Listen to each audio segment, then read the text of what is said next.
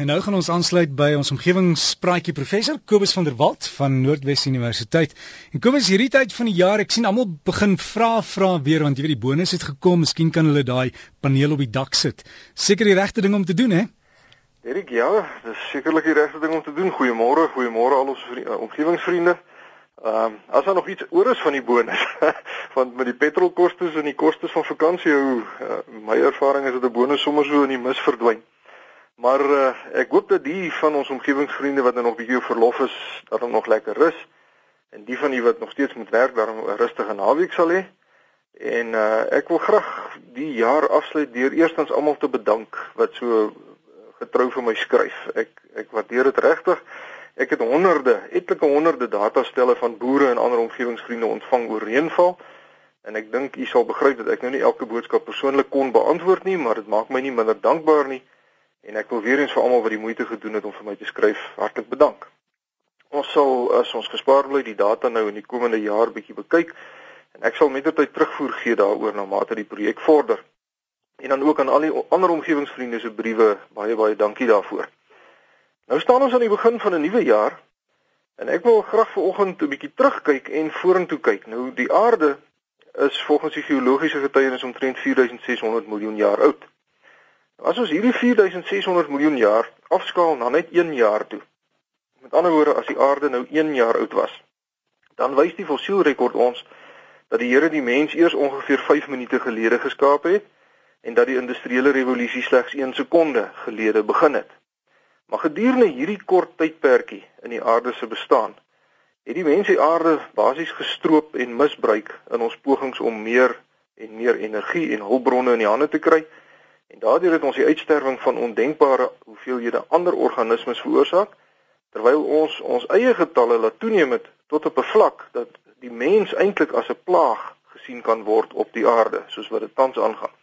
Elke 4 dae is daar 1 miljoen meer monde op aarde om te voed. So hierdie stroping van die aarde duur onverpoost en toenemend voort. As die menslike getalle die enigste probleem was, sou ons dalk nog 'n plan kon maak Maar nou is daar in elke mens die drang om meer en meer te hê.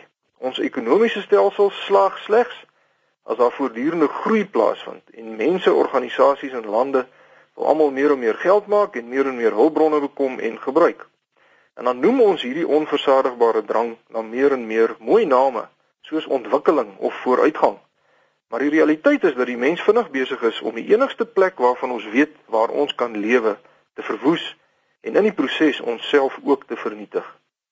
Maar nou as ek bietjie vorentoe kyk, is die goeie nuus dat ten spyte van al die skade wat die mense reeds aan die omgewing aangerig het, die meeste daarvan omkeerbaar is. Ons het die tegnologie om habitats te rehabiliteer en te restoreer en om spesies terug te plaas sodat die omgewing weer in balans kan kom. Ons kan die riviere skoonmaak en na uh, ons ons kan dit na bykans ongerepte toestand terugneem. Ons kan boergrond hervestig sodat plantgemeenskappe weer welig kan groei. Ons kan woude aanplant en hervestig. Ons kan mynhope opruim wat ons omgewing besoedel. Ons kan selfs die suur mynwaterprobleem aan die Witwatersrand hanteer sodat ons nou nie die hele Vaalrivier en benede Oranje rivier gaan vernietig nie. Ons kan die see skoonmaak en selfs klimaatsverandering tot 'n mate beheer in die sin dat ons kan ophou om die atmosfeer se samestelling te verander deur ons aktiwiteite aan die natuurlike siklusse wat ook nou hier in die werk is, kan ons nou nie veel doen nie, maar aan die mensgedrewe deel van klimaatsverandering kan ons suksesvol aandag skenk. Ons kan selfs ons eie getalle beheer as ons regtig wil. Daar is voorbeelde daarvan sodat ons ophou om ondraaglike druk op die omgewing te plaas. Ons kan ons eie lewenstyle aanpas sodat ons invloed op die omgewing kleiner word. En dis eenvoudige goedjies. Ons kan afval hersirkuleer, ons energieverbruik so laag as moontlik kry. Ons kan fietsry of stap die son- en windenergiebronne optimaal gebruik. Ons kan kyk na watter produkte ons koop en wat ons eet. Nou, al hierdie feite is teen hierdie tyd oorbekend aan alle mense. En die vraag wat my dronk slaan is waarom ons dan nou terwyl ons al hierdie goed weet, steeds aangaan asof daar geen bedreiging is nie. Ons vang die see leeg, ons oorbenut die vermoë van grond om vir ons voedsel te verskaf. Ons besoedel die biosfeer, ons roei organismes soos by byvoorbeeld die renoster en die olifant op groot skaal uit net om die een of ander klein sielige behoefte te bevredig. En dit is soms vir my werklik asof die mense tipe selfvernietigingsdrang het. Want alhoewel die meeste mense 100% met my sal saamstem dat iets drasties gedoen moet word, is dieselfde mense baie traag om aktiewe stappe te neem as dit hulle selfs net in die kleinste mate gaan verontrief of hulle geld gaan kos of as dit enigsins op hulle lewenstyle sal impakteer. 'n Voorbeeld hiervan wat my sommer warm onder die kraag maak, die, die meeste baie mense is nou daar by die see en daar's al hierdie grand ontwikkelings en uh, daai mense sal almal entoesiasties saamstem met die beginsel van die gebruik van sonne-energie byvoorbeeld. Maar dan is daai ontwikkelings ehm um, het hulle uh, reëls wat sê die installering van songeisers op die dakke van wonings is verbied omdat dit kwansuis nie mooi is nie. So die NIMBY beginsel is vir meeste mense ononderhandelbaar en NIMBY staan vir not in my backyard. Die meeste mense sal entoesiasties sê iets moet gedoen word, maar not in my backyard. Almal wil byvoorbeeld windturbines hê. Hulle wil hê ons land moet windkrag toepas. Maar niemand wil dit goed sien nie. Selfs nie eers op 'n randjie deur ver op die horison kilometers van die mense af nie.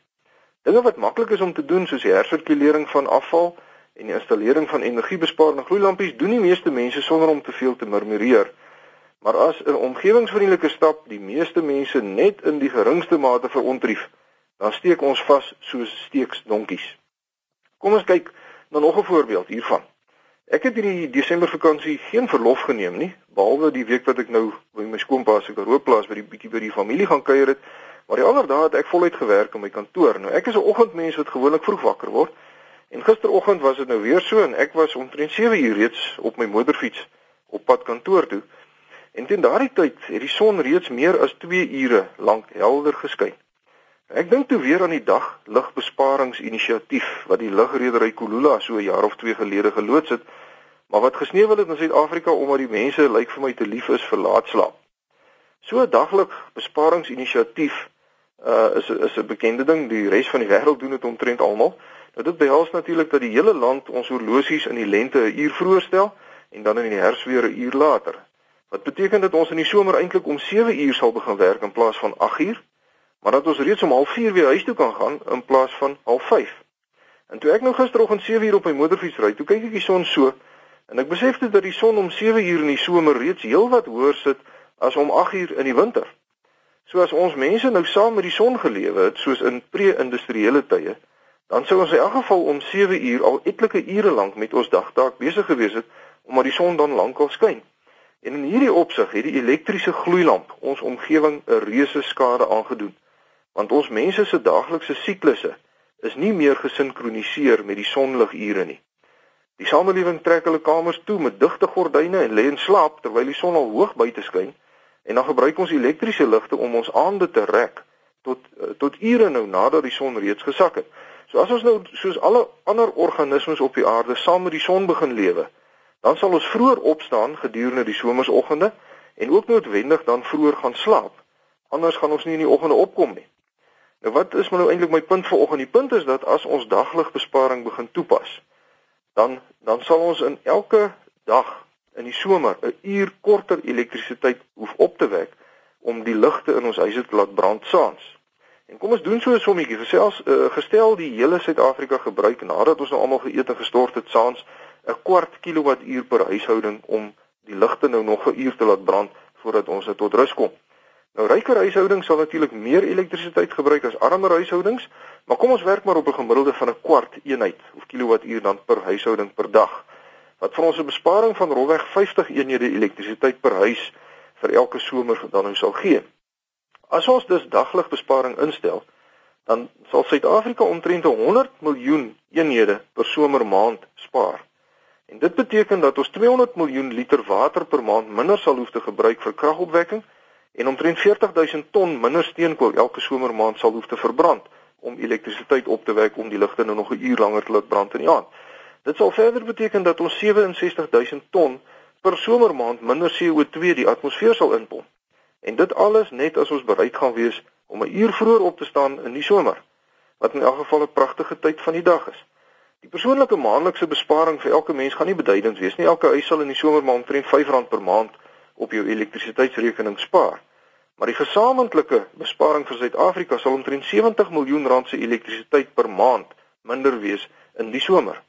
En die grootste persoonlike voordeel is natuurlik dat ons heerlike lang somermiddae sal hê om sport te doen of net om ons wonderlike buitelug hier in Suid-Afrika te geniet. Maar ten spyte van al hierdie voordele, wou Suid-Afrikaners nie buite aan die idee van dagligbesparing nie. En die enigste rede daarvoor is gewoon luiheid en gemaklikheid. So my wens vir 2013 Derek vir al ons omgewingsvriende en eintlik al die mense in ons mooi land is dat ons 'n slag regtig eerlik introspeksie sal hou en dat ons onsself sal afvra hoe ernstig ons werklik is met groen inisiatiewe en of ons regtig besef dat ons deur eenvoudige stappe soos dagligbesparing eintlik 'n groot positiewe verskil kan maak aan die toestand van ons omgewing. En daarmee sluit ek die oujaar se omgewingspraatjies af en ek wens vir al ons omgewingsvriende en vir jou ook Derek 'n baie geseënde en 'n groen 2013 toe en ry asseblief veilig terug huis toe as u nog op vakansie is en dan skryf u vir my by kobus.vanderwalt by nwu.ac.za of by die fakulteit natuurwetenskappe Noordwes Universiteit Potchefstroom 2520 Vriendelike groete tot 'n volgende dag. Dankie vir jou Kobus daar en sakke vol skoon vars lug vir 2013. Daai e-posadres weer is kobus.vanderwalt by nwu.ac.za